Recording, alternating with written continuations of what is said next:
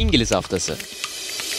Ada futbolunun sıkışık fikstüründe Çetin Cem Yılmaz ve Arhan Ata Pilavoğlu her hafta Big Six ve ötesini konuşuyorlar. StatsBomb işbirliğiyle. Sokrates Podcast'te İngiliz haftasına hoş geldiniz. Ben Çetin Cem Yılmaz, Arhan Atapilavoğlu ile beraber Premier Lig'in milli aranın ardından döndüğü haftayı konuşacağız ve birazcık da gündemden bize neler kaldı diye şöyle bir bakacağız. Milli ara enteresandı bize oldukça fazla konu çıkarttı ama diğer taraftan ligin geri dönüşü de çok sürpriz enteresan sonuçlarla doluydu. Hepsini konuşacağız. Chelsea'nin aldığı şok mağlubiyeti, Arsenal Liverpool maçını, Tottenham'ın bir kez daha önde olduğu bir maçta puan kaybını ve diğer öne çıkan konuları konuşacağız. Fakat programın başında Sokrates'in yeni sayısı raflarda ve dijital ortamlarda onu konuşalım. 6.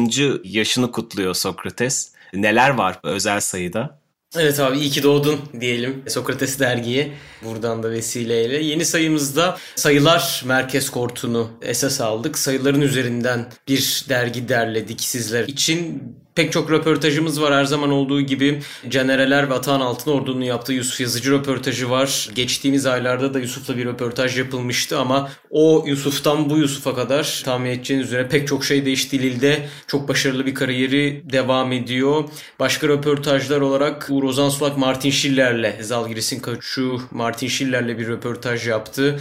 Yine Canerler ve İnan Özdemir'in ünlü tarihçi Emrah Safa Gürkan'la yaptığı bir röportaj var. Futbol içerikleri olarak Emre Özcan Thomas Tuchel'i kaleme aldı. Chelsea'deki yükselen formunu kaleme aldı. Her ne kadar West Bromwich maçı biraz talihsiz geçse de onun adına. Benim yine Premier Lig'de uzun süre futbol oynamış Mamed Diouf'la yaptığım bir röportaj var. Stoke City günleri, Manchester United'daki kariyeri ve şu an Hatay Spor'da yaptıkları onunla ilgili güzel bir röportaj da var ve Aras Yetiş'in son olarak onu da söyleyeyim. Chris Evert'la yaptığı bir röportaj var. Efsane Chris Evert'la 18 kez Grand Slam kazanmış efsane tenisçilerden Chris Evert'la özel bir röportajı var Aras Yetiş'in de. Pek çok farklı röportaja, farklı içeriğe bu sayıda da bulabilirsiniz. Bu sayıda da sayılar üzerinden gittik dediğim gibi sayıların bize ne anlattığını anlamaya çalıştık ve böyle bir dergi yaptık diyeyim. Evet iyi ki doğdun diyelim. 6 yıl deyince de bir an geçmişe gittim yani açıkçası o derginin ilk çıkışını, heyecanını, lansman partisini çok iyi hatırlıyorum. Gerçekten çok büyük bir olaydı. Sonra ilerleyen zamanlarda gerek yazılarla gerek podcast üzerinden bir parçası olmak da çok büyük bir keyif. Hani dergi olarak yola çıkıp sonra şu anda hem dergisi, YouTube'u, podcast'iyle bayağı bir medya devi Erman Yaşar gibi oldu. Medya devi haline gelen çok özel bir kuruluş Sokrates. İyi ki doğdun diyelim dinleyicilerimize de yeni sayıyı raflarda veya dediğimiz gibi dijital ortamlarda bulabileceklerini hatırlatalım. Yavaştan gündeme geçelim ama aslında gündeme hemen geçmeden önce enteresan geçtiğimiz haftadan buraya yansıyan da ilginç bir detay vardı. Gary Lineker'la girdiğim sosyal medya polemiği onu da böyle bahsetmeden edemedim. Evet. Geçtiğimiz haftaki programı dinleyenler evet. Geçtiğimiz hafta Günlerin Köpüğü'nde bölümünde Gary Lineker'ın İngiltere San Marino maçı sonrası eleştirilerine yer vermiştik ve benim çok hoşuma gitmemişti açıkçası bu yaklaşım. Yani evet İngiltere San Marino'yu çok rahat yeniyor ama San Marino'nun bu noktada gelmesi için bir öneleme oynaması önerisi gereksiz gelmişti. Bazı kıtalar böyle çift öneleme turu yapıyorlar fakat Avrupa genel olarak oldukça rekabetçi diye düşünüyorum yani. San Marino gibi 2-3 tane daha ülke var sürekli diplerde kalan, kendisini zaman içerisinde yukarı atamayan. Fakat onun dışında pek çok ülke 3-5 senelik döngüler halinde bir anda çok sürpriz çıkışlar yapabiliyor. İşte İzlanda'sı, Galler'i, son örnekte işte Makedonya bunlardan bir tanesi. Makedonya'nın Almanya'yı yenmesi sonucunda ben kendisini alıntılayıp bu alınan tırnak için sürpriz sonuçları ortaya koydum ve bunlar olabiliyor dedim. Gary Lineker'da beni alıntılayarak kendi cevabını vermiş oldum bir anda İngiliz haftasında tartışmaya başladığımız konu sosyal medyada milyonlarca kişinin önüne düştü. Ve genelde de hani böyle bu kadar çok popüler dünya futbolunun en önemli figürlerinden bir tanesi Gary. Böyle çok ünlü birisiyle ünsüz birisi tartıştığında orantısız bir güç oluşur ama Gary neredeyse %100 karşı duruldu ve %100 bir destek hissettim. Bunu da yaşamak enteresandı. İlginç bir tecrübe olarak Sokrates Podcast'in ve İngiliz haftasının etkisinin okyanusları açtığı bir hafta yaşamış olduk. İnşallah haftaya da kendisini ağırlama şerefine nail oluruz. Bu arada baktım evet. abi 8 milyona yakın takipçisi var. Ki ben Twitter'daki takipçi sayılarıyla ilgili bir insanımdır. 8 milyon takipçi gerçekten bayağı yüksek bir takipçi sayısı. Denk gelmemiz de yani daha doğrusu senin denk gelmen de çok çok şaşırtıcı olmuştur diye düşünüyorum. Yani ilk gördüğünde şaşırdım. Ya, tabii ki şaşırmışsındır da emin olamam diye düşünürdüm ben muhtemelen ya gerçekten Gary Lineker mi diye.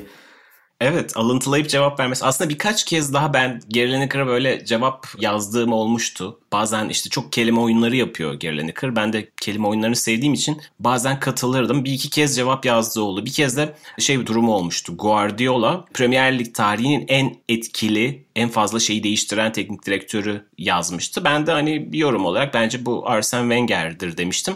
Hani ona da işte cevap vermişti falan böyle medeni bir tartışma ortamı oluşmuştu falan ama burada alıntılayarak tam dediğin gibi 8 milyon takipçisinin önüne sununca başka bir şey oluyor yani direkt cevap yazmasına. Ee, ben de bir şansımı yani deneyeyim. Kendisine, evet kendisine yazılan yorumları okuyor belli ki. Hepsine yetişemiyordur ama belli ki bazılarını okuyor en azından. Enteresan bir durum yaşandı. Bu da böyle bir anımız oldu açıkçası İngiliz haftası olarak. Gündeme geri dönersek büyük maçlarla ve enteresan sonuçlarla dolu bir hafta sonuydu Premier Lig'de. İsim olarak en büyük maçtan başlayabiliriz. Big Six'in iki mensubunu karşı karşıya getiren maçta Arsenal-Liverpool oynadı. Liverpool son yarım saate sıkıştırdığı gollerle 3-0'lık bir galibiyet aldı.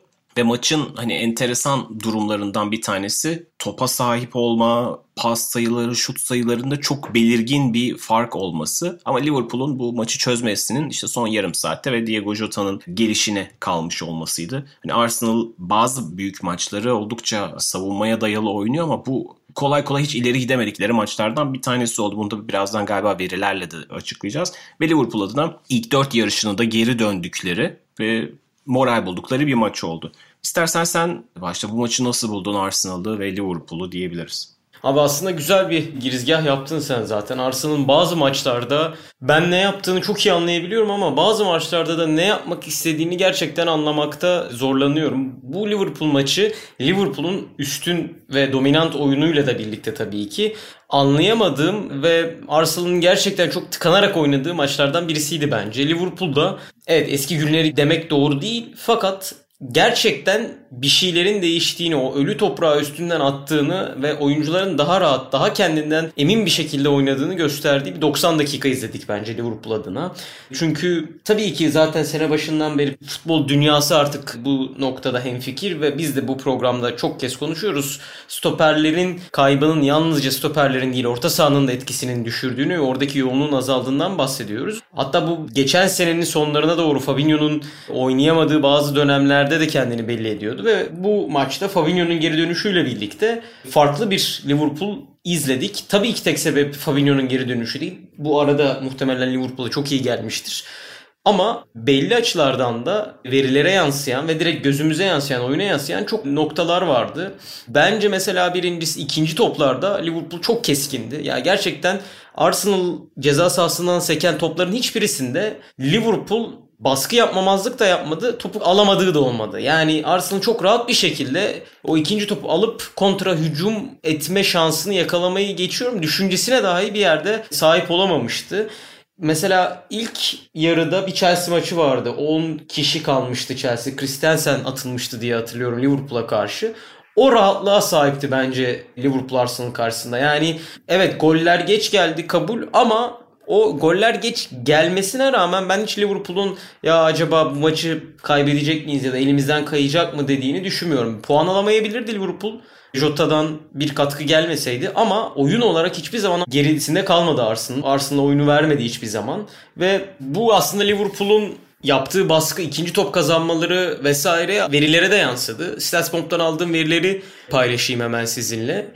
Liverpool'un bundan birkaç hafta önce Chelsea'ye karşı oynadığı, içeride Enfield'da Chelsea'ye karşı oynadığı maçta Liverpool'un baskı ve kontra baskı yani kontra pres metriklerinde ne kadar pozisyona girdiğini gösteren birkaç veri var. Chelsea maçında 25 kere kontra pres pozisyonuna girmiş Liverpool.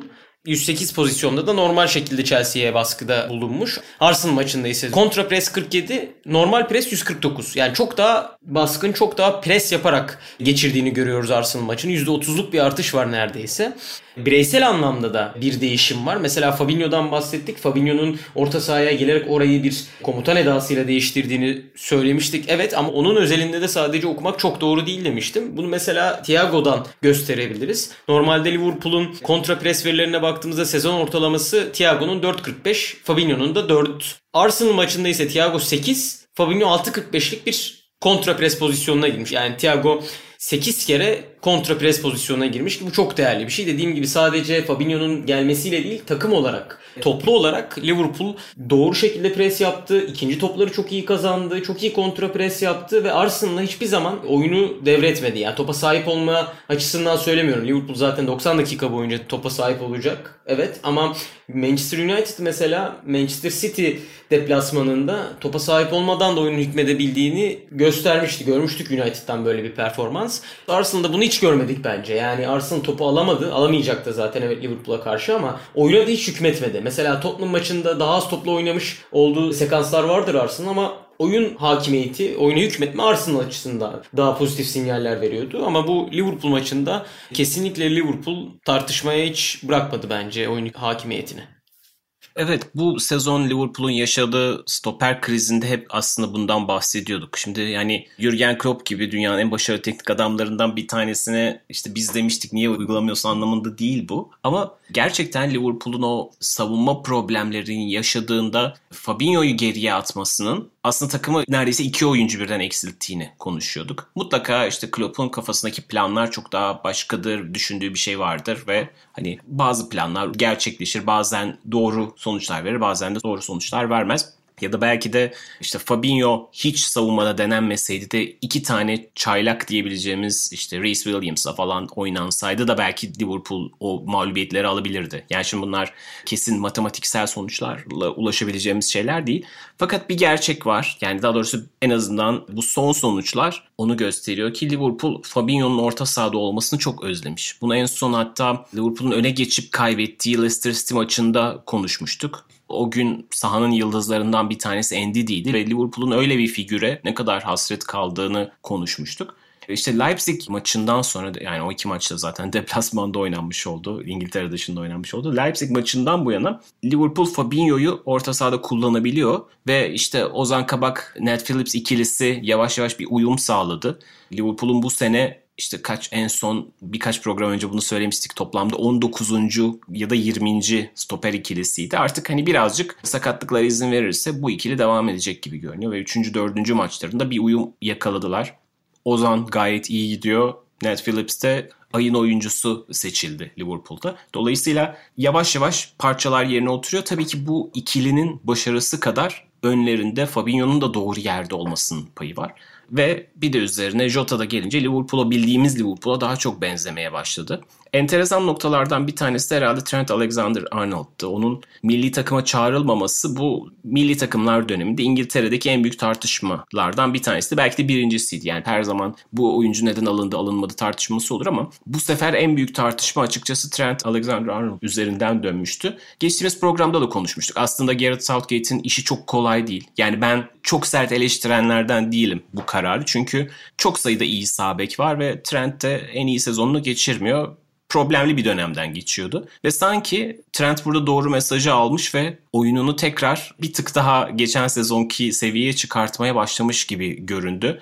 Aslında biraz bu sinyalleri veriyordu. Wolves maçında da takımın en iyilerinden bir tanesiydi. Yani bir anda sıfırdan zirveye çıkmadı. Yavaş yavaş o işaretleri veriyordu bıraktığı yerden de alması dikkat çekici. Hem yaptığı asist hem de sonrasındaki o gol sevinciyle yani çok motive olduğunu da biraz gösterdi. Ve Jota hep Liverpool taraftarlarının o Danimarka'daki deplasmanda niye oynattın diye işte Klopp'a çok kızdıkları bu sezonun dönme noktalarından, kırılma noktalarından bir tanesi olarak görülen bir detaydı aslında. Ve gerçekten onun varlığı çok değiştiriyor. Yani birazcık daha fazla karıştırıyor. O dördüncü faktör olunca bu sezonun başlarında Liverpool o dördünü birden kullanmıştı bazı maçlarda. Artık o 4-3-3'teki üçlü birazcık çözülmeye başlamıştı. Fakat Jota'nın gelişi işte orada bir X faktör etkisi yaratıyor. Yani ne yapacağını bilemediğiniz bir tane daha oyuncu oluyor ve haliyle savunmalar 3 oyuncuyla baş etmeye belki daha alışkın. Fakat dördüncü oyuncuda ne yapacaklarını her zaman bilemiyorlar. Attığı iki golde gerçekten hani çok ilginç dalışların eseri.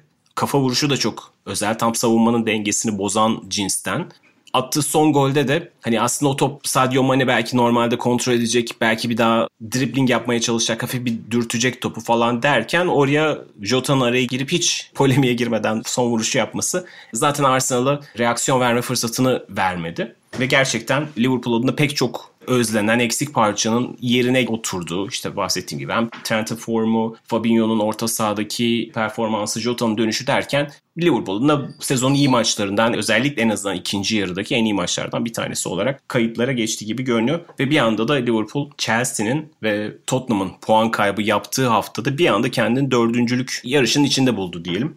Ve oradan da Tottenham'a atalım pası. Tottenham Avrupa'daki hayal kırıklığından sonra lige geri dönmüştü. Hani galibiyetle dönmüşlerdi milli araya girerken. Fakat Aston Villa'yı önemli bir, kritik bir maçta yenmişlerdi. Hani o da çünkü Aston Villa'nın da üstte tutunma gibi bir ihtimali varken o kapıyı birazcık kapatmışlardı. Fakat Newcastle karşısında bir kez daha öne geçip puan kaybı yaptılar. Bu sezon defalarca yaptıkları gibi. İlk Newcastle maçı böyleydi, işte West Ham maçı böyleydi. Ve bir kez daha çok değerli iki puanı bırakmış oldular.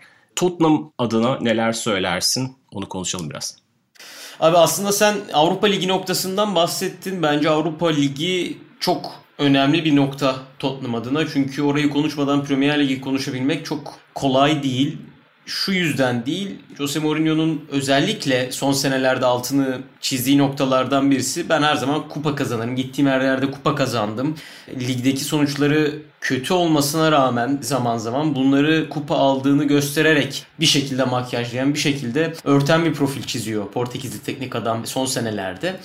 Burada da UEFA Avrupa Ligi'ni kazanarak Şampiyonlar Ligi bileti alabilmek Tottenham adına belki de sezonun bu döneminde en önemli hedef olarak gözüküyordu. Onu kaybettikten sonra ligi artık 2-3 kat fazla önem vermek zorundalar ve Chelsea bir sürpriz yaşamışken ligin sondan bir önceki takımına karşı bu maç yani kesinlikle 3 puanı alması gereken bir maçtı Tottenham'ın ama bence önceki puan kayıplarından biraz ayrışan bir durum var. Mesela Newcastle Tottenham değil de Tottenham Newcastle maçında yani Tottenham'ın ev sahibi olduğu maçta evet gerçekten çok talihsiz bir şekilde Tottenham puan kaybetmişti. Ama bu maçta Newcastle'ın gerçekten ilk dakikadan bu yana oyuna bir şekilde ortak olduğunu dediğim gibi az önce topa daha sahip olmasına rağmen oyuna gerçekten belli noktalarda hükmettiğini ve ilk golü de zaten onlar buldular ve Kane'in golü çok hızlı bir şekilde gelmişti. Ne olduğunu anlayamadan bir anda 2-1 geriye düştü Newcastle ilk golü bulduktan sonra. Ondan sonra toparlayıp ikinci yarıda da üstüne koyarak devam etmeleri gerçekten Newcastle'ın bu maçı kaybetmesi adaletsiz bir sonuç olacaktı. Bu yüzden kaybetmeyi hiç hak etmediler. Tottenham açısından konuşacak olursak da ben mesela biraz Chelsea maçına benzetiyorum. Yani buldukları iki golde çok hızlı şekilde reaksiyon vererek reaktif şekilde gelen gollerdi. Sete oturarak pek fırsat bulabileceklerini düşünmüyordum açıkçası ki Newcastle dediğim gibi hem daha çok gol beklentisi yaratan ekip oldu ki sanırım kulüp kariyerlerini kırdılar gol beklentisi verisi tutulduğundan bu yana. Bu çok değerli bir şey ve bunu Tottenham'a karşı yaptılar. Hem de dediğim gibi Tottenham sete oturarak çok fazla büyük işler yapamayacak gibi bir algı vardı bende maçı izlerken. Çünkü Newcastle beşli hatta altılı bir şekilde diziliyordu ve Tottenham Kane Vinicius ikilisiyle hani stoperleri sabitleyip kanatlardan biraz katkı alabilecek bir düzende oynuyordu ama hem Lucas Moura hem Lo Celso kanat gibi değil de biraz daha içeride iç oyuncu gibi konumlandı Tottenham topa sahip olduğu dönemlerde. Orada da işte ya Gareth Bale gibi genişliği katacak ya da Son gibi kanattan içeriye koşu atarak o beşli hattı rahatsız edecek bir oyuncuya ihtiyaç vardı bence. Ya da her şeyi geçiyorum eğer Kane derine inmeyecekse Delali'yi kullanabilirdi Jose Mourinho. Hoş Kane biraz derine indi. Orada sonun kullanımı daha etkili olabilirdi ama dediğim gibi genel anlamda ya Tottenham o iki golü buldu evet ama o hiç gol bulmasa da yani Newcastle o golü atmasa da bu maç ben Tottenham'ın çok rahat bir şekilde kazanabileceği bir maç olarak görmüyordum ilk başlarda izlediğimde. O yüzden çok önemli bir 3 puanı çok iyi olmayan bir oyunla kaybettiler. Daha doğrusu 2 puan kaybettiler. Dediğim gibi o bulunan 2 gol olmasaydı da ben bu maçta Tottenham'ın 3 puana çok rahat bir şekilde ulaşabileceğini düşünmüyordum açıkçası. Evet Tottenham'da aslında Avrupa Ligi'ni de açmak iyi oldu. Gerçekten o maç ve hemen öncesindeki Arsenal yenilgisi Tottenham adına çok moralleri bayağı bozdu. Yani bir derbi mağlubiyeti üzerine de 2-0 gibi bir ilk maç avantajının yitirilmesi. Üstelik Dinamo Zagreb gibi hani küçümsemek için söylemiyorum ama bu son 16'daki en zor rakip değildi açıkçası. Hani özellikle Tottenham ayarında bu turnuvanın favorilerinden bir tanesi olan bir takımın 2-0'dan kesinlikle vermemesi gereken bir turdu ve çok yıkım oldu. Ve o maçtan sonra belki dinleyicilerimizin bazıları yakalamıştır. Hugo Lloris'in çok uzun bir röportajı var. Bir 6-7 dakika falan konuşuyor ve çok açık sözlü. Sonuçta takımın kaptanı ve şeylerden bahsediyor. Yani bu önce utanç verici bir sonuç diyor ve bazı takım arkadaşlarını da açıkça eleştiriyor. Diyor ki sadece oynadığınızda değil her zaman takımın yanında olmanız lazım, destek vermeniz lazım. Bu sosyal medyada işte spekülasyonlara yol açtı. Kimden bahsediyor? Gareth Bale tabii ilk akla gelen isimlerden bir tanesiydi. Çünkü Gareth Bale bu takıma sonradan katılan, yani bu takımın koru vardı geçtiğimiz yıllarda. İşte Pochettino ve geçtiğimiz sezonki bazı hamlelerle de işte Endombele olsun, Bergwijn olsun yeni bir yapı oluşmuştu. Bu takımın iskeletine yeni katılan isimlerden bir tanesi. Dolayısıyla biraz soru işaretleri ona dair geldi. İşte Delali'ye dair geldi. Acaba işte Lamela mı söyleniyor falan filan. Buradan Tottenham'ın Newcastle maçından sonra Mourinho'nun açıklamasına bağlayacağım. Benzer bir şekilde bu sezon yine öne geçtiği maçlarda çok fazla puan kaybı yapması bunun sebebinin ne olduğu soruldu Mourinho'ya. Dendi ki siz her zaman kariyeriniz boyunca öne geçtiğiniz maçları tutmakla, skorları tutmakla ünlü bir hocaydınız. Burada farklı olan nedir dendi. Ve o da dedi ki hoca aynı, oyuncular değişik direkt bütün kadrosunu otobüsün altına atan bir açıklama oldu. Şimdi daha iki hafta önce takım kaptanının özellikle hani isim vermeden oyunculara işaret ettiği bir ortamda Jose Mourinho da oyuncuları eleştirince burada bir işlerin kaynadığını hissettiriyor. Yani artık yavaş yavaş sadece hoca ve oyuncular arasında değil oyuncuların kendi içerisinde de galiba bazı problemler yaşanmaya başlandı gibi görünüyor. E, Tottenham'ın Pochettino'nun son döneminde de aslında böyle spekülasyonlar vardı. Yani bu oyuncu grubu Şampiyonlar Ligi'nde finale kadar yürüyen bir takım neden ligde bir deplasman galibiyeti bir türlü alamıyor? Çok rahat görünen maçları da zora sokuyor. Neden kazanamıyor? Üzerinden çok fazla tartışmalar dönmüştü ve zaten sonra Pochettino'nun kovulmasına kadar giden süreç öyle yaşandı. Şimdi benzer bir şekilde bir oyuncu grubu içerisinde kopuşlar yaşandığı hissi veriyor bu açıklamalar. Gayet hani gizlenen de şeyler değil. Direkt basın toplantılarında söyleniyor. Bu olay enteresan olacak gibi.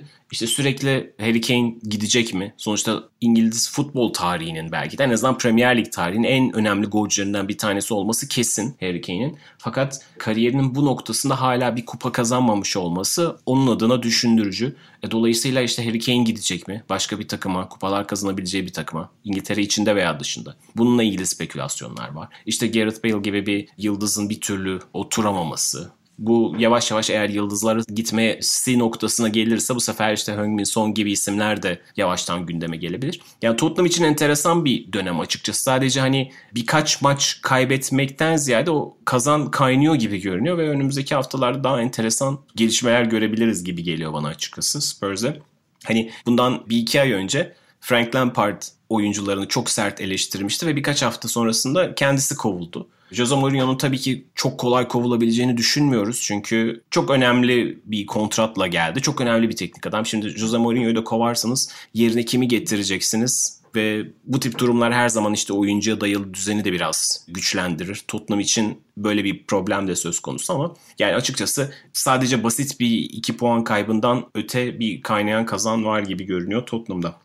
Abi ben çok kısa burada bir ekleme yapmak istiyorum. Çok güzel anlattın zaten süreci. Bence burada biraz iş artık Daniel Levy'ye kalıyor. Çünkü ne yapmak istediğiyle doğru orantılı alacak muhtemelen kararı. Bu kadronun değişmesi gerektiğini, bu oyuncu grubunun işte Christian Eriksen, Harry Kane, Vertonghen, Alderweireld, Lloris, bu ekibin değişmesi gerektiği zaten söylenen bir şey ki bu ekipten iki isim ayrıldı. Vertonghen ve Christian Eriksen ayrıldı. Hala belli parçalar var ve bu parçalar gerçekten takımın kadronun en değerli parçaları. Ama bazen o parçalara sahip olmak bir sonraki adımı bir şekilde atamamanıza neden olabiliyor. Burada belki de hani her zaman kullanılan işte yeniden kadroyu düzenleme, yeni bir kadro mühendisliği, o rebuild dedikleri noktaya taşınabilir olay. Burada işte dediğim gibi Mourinho ile mi yapacak Tottenham bu süreci Yoksa başka bir teknik adamla mı yapacak? Doğru isim Mourinho mu yoksa başka bir teknik adam mı? Bence onun biraz çözülmesi gerekiyor. Yoksa ben inanıyorum ki Mourinho size kupa kazandıracaktır. Yani muhtemelen Steel olan finali kazanabilir Tottenham. Gayet tek maçta neden kazanmasın?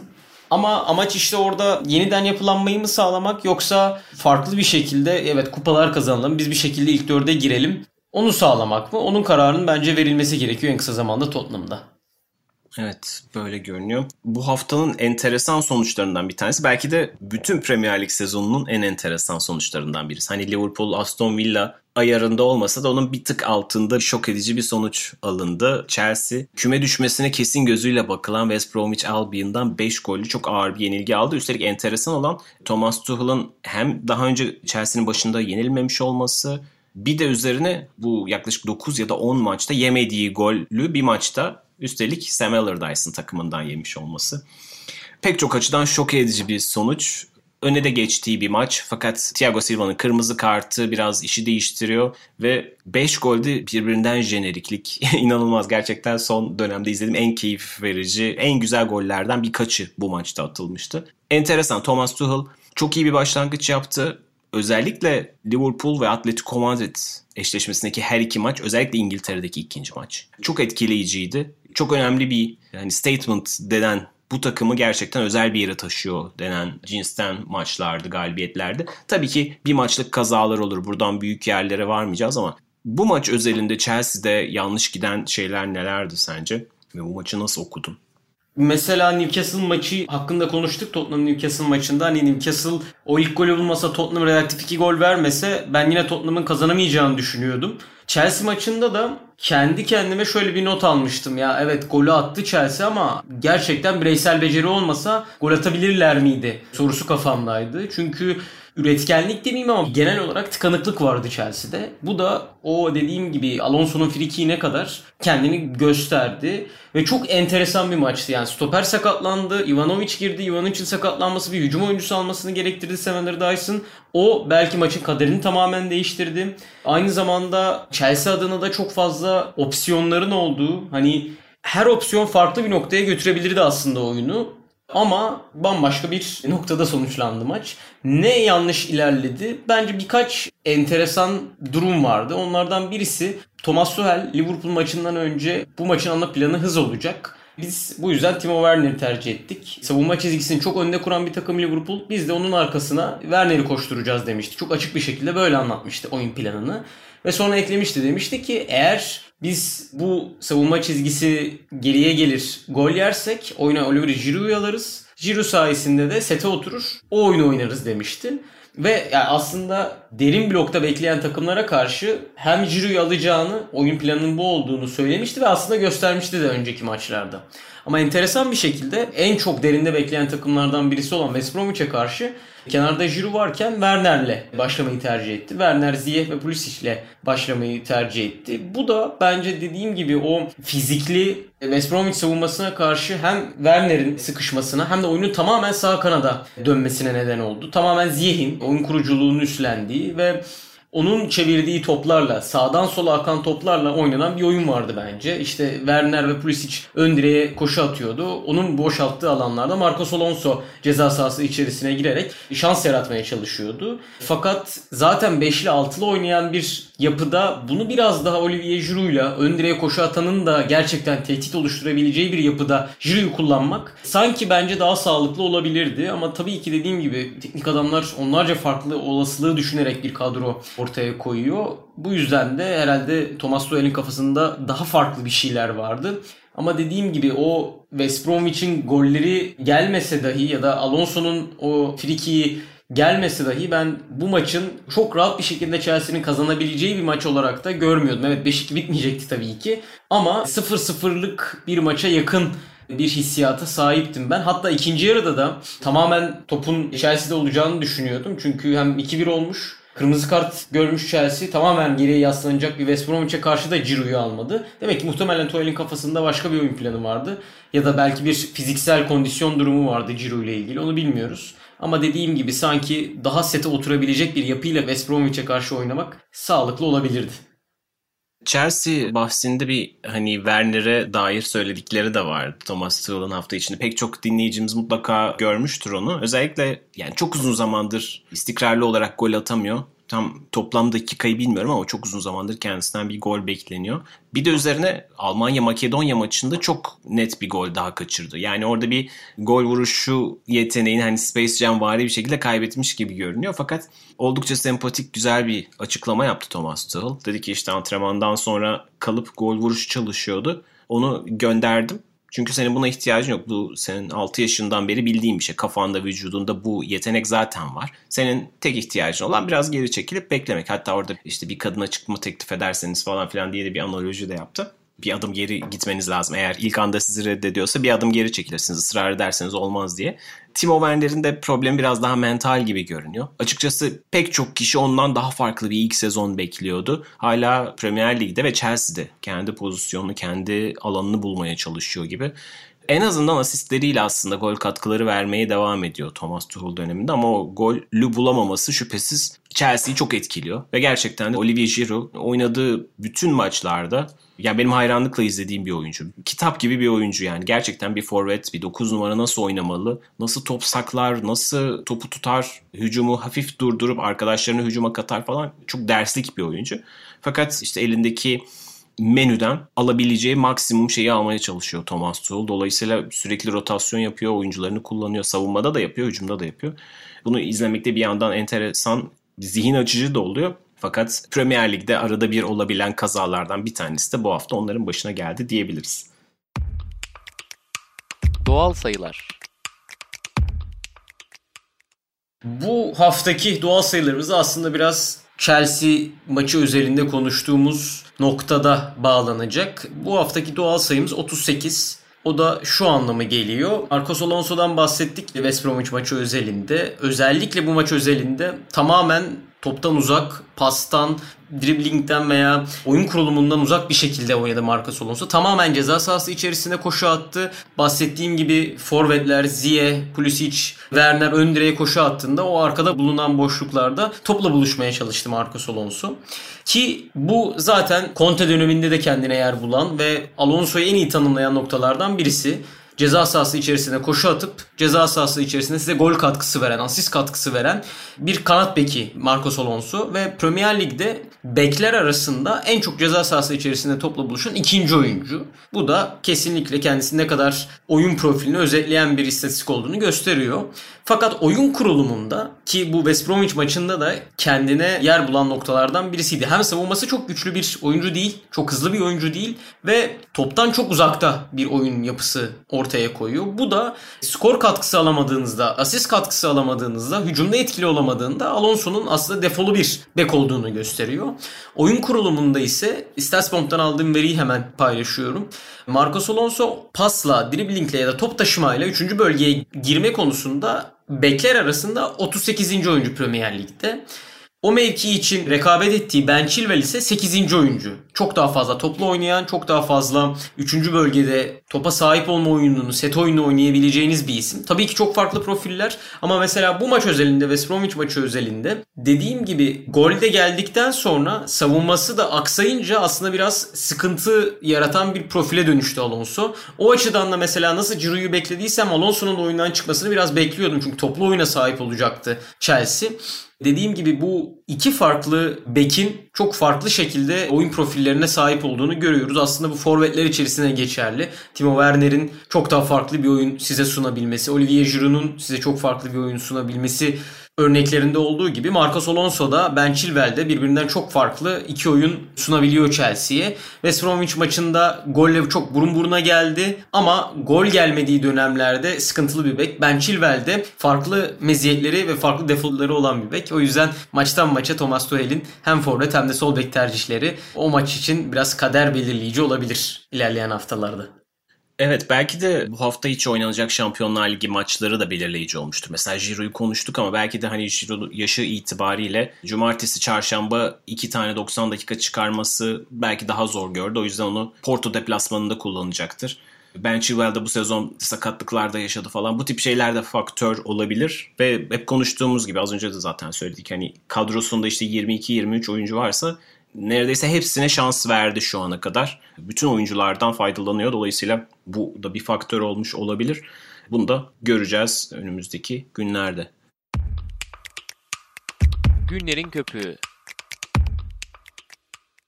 Programın son bölümünde günlerin köpüğünde bu hafta bir Premier Lig efsanesi var. Sergio Aguero. Premier Lig'e gelişiyle beraber bu kadar hani bir devri değiştiren, etki yaratan oyuncular azdır. Tabii ki Agüero tek başına değiştirmedi. Manchester City'nin yeni sahipleri zaten o kadro yapılanmasını gerçekleştiriyordu. Daha pahalı transferler işte ilk başta Tevez'ler, Robinho'lar falan filan geliyordu. Fakat o sıçrama Agüero ile gerçekleşmişti ve Agüero 10 yıllık Premier Lig kariyerine, Manchester City kariyerine diyelim daha doğrusu noktayı koyacağını açıkladı. Yavaştan artık Premier Lig'in hani şampiyonluğu da nispeten belli olduğunu düşünürsek bir şampiyonluk daha kazanarak veda etmiş olacak gibi görünüyor Sergio Agüero. Bu sezon sakatlıklar nedeniyle çok verimli olamasa da şu an Premier Lig tarihinin en golcü dördüncü oyuncusu konumunda. 181 golde ve Andy Cole'ün 6 gol gerisinde aslında. Hani üçüncülüğü de ele geçirmesi ihtimali var. Fakat bu sezonki form durumuyla bu 7 golü atamayabilir. Atarsa 3. sıraya da çıkacak. Fakat bu noktada biraz biz de Premier Lig tarihinin en ikonik forvetlerini konuşalım dedim kısaca. En azından favorilerimizi ve kim ilk üçtür diye bir yazalım diye düşündüm. Ben açıkçası Alan Shearer, Thierry Henry ve Agüero olarak düşündüm. En önemli 3 golcüyü. Sen nasıl düşünürsün? Abi ilk kim benim de aynı. Bire ben muhtemelen Henry'i koyarım. ikiye Shearer'ı koyarım. Üçüncü isim olarak açıkçası çok emin değilim ya. Agüero evet çok inanılmaz bir etki yaptı. Manchester City'nin 2010'lardaki yüzü olduğu tek kulüpte 181 gol dedim. 181 gol attı. Bunlar inanılmaz şeyler ama Direkt koyabiliyor muyum emin değilim nedense üçüncüyü. Ya yerine kimi koyarım o açıdan da açıkçası çok net bir ismim yok. Ama ikoniklik noktasında nedense ben tam olarak üçüncüyü bulmuyorum. En iyi desek ben de muhtemelen Agüero'yu koyarım. Mesela Rooney'nin Prime'ı çok hızlı bir düşüş yaşadı son senelerinde hem Everton hem de United kariyerinde. Biraz daha iyi bitirebilse mesela Agüero'nun kötü sezon olarak nitelendirebileceğimiz son sezonu var. Rooney'nin de öyle bir şey olsa kesin Rooney derdim bu arada ama çok emin değilim. Ben iki kişi söyleyerek biraz hile yapmış olacağım ama üçüncüyü tam seçemiyorum açıkçası. Evet ya ben de açıkçası Wayne Rooney için çok arada kaldım. Wayne Rooney de futbolu bıraktığında bu sezonun ilk haftalarında diyelim yani ilk yarısında kendisinden bahsetmiştik. Gerçekten Premier Lig'in en önemli figürlerinden bir tanesi, en önemli oyuncularından bir tanesi. Ama direkt en önemli 3 golcüsü arasında yazamadım. Çünkü tam senin de bahsettiğin gibi hani biraz kariyerinin sonunda düşüş yaşamış olması.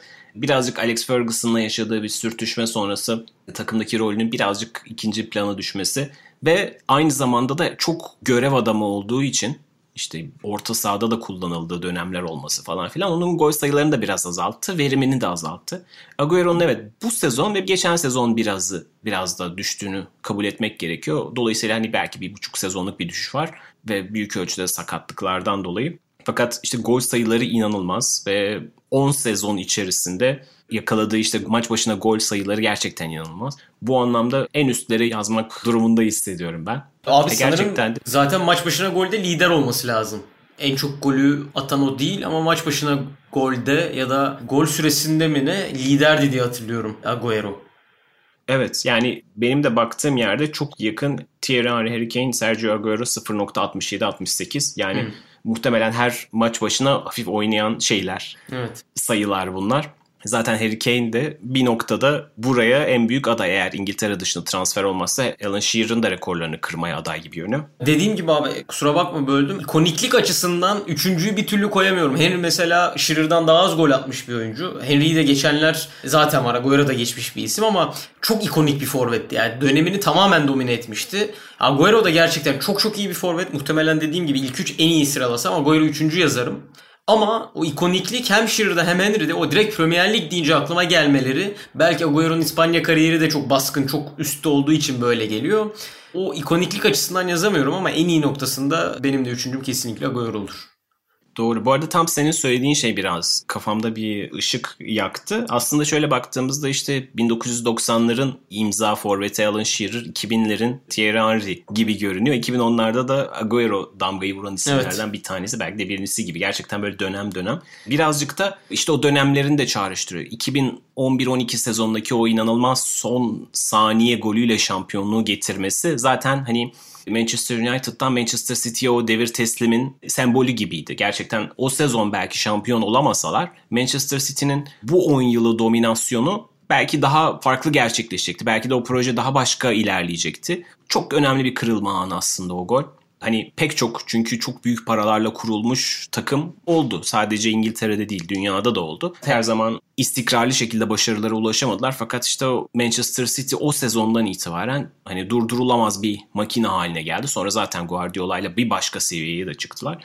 Bu anlamda işte Agüero'nun da rolünü çok özel buluyorum ama kesinlikle dediğine de katılıyorum. Thierry Henry'nin aynı zamanda oyun stiliyle de beraber o dönemki Arsenal'la özdeşleşmesi, Arsenal'ın oyun stiliyle Thierry Henry'nin çok böyle örtüşmesi kadar büyük bir etkisi yok belki oyuna. Çünkü Manchester City'de teknik adamlar ve süperstarlar üzerinden şekillendi aslında dönem dönem oyunlar. İşte David Silva'da bir baktığınız zaman belki bir o kadar etkiliydi oyunda. İkinci döneminde işte 2010'ların ikinci döneminde Kevin De Bruyne de çok etkiliydi. Dolayısıyla tek bir oyuncu şekillendirmedi Manchester City oyununu. İşte Thierry Henry'nin Arsenal'a yaptığı kadar böyle bir imza atmadığını söyleyebiliriz. Fakat bir yandan da işte inanılmaz bir kariyer ve çok özel bir golcülük performansı. Ben hep hatta şey diye düşünüyorum. Yani hep Lionel Messi başka bir yerde oynamadı. Dolayısıyla bu onun büyüklüğünü azalttı denir mesela. Yani öyle bir narratif var, öyle bir anlatı vardır. Hiç katılmam ama hani şey derler. İngiltere'ye gelseydi bu kadar başarılı olamazdı.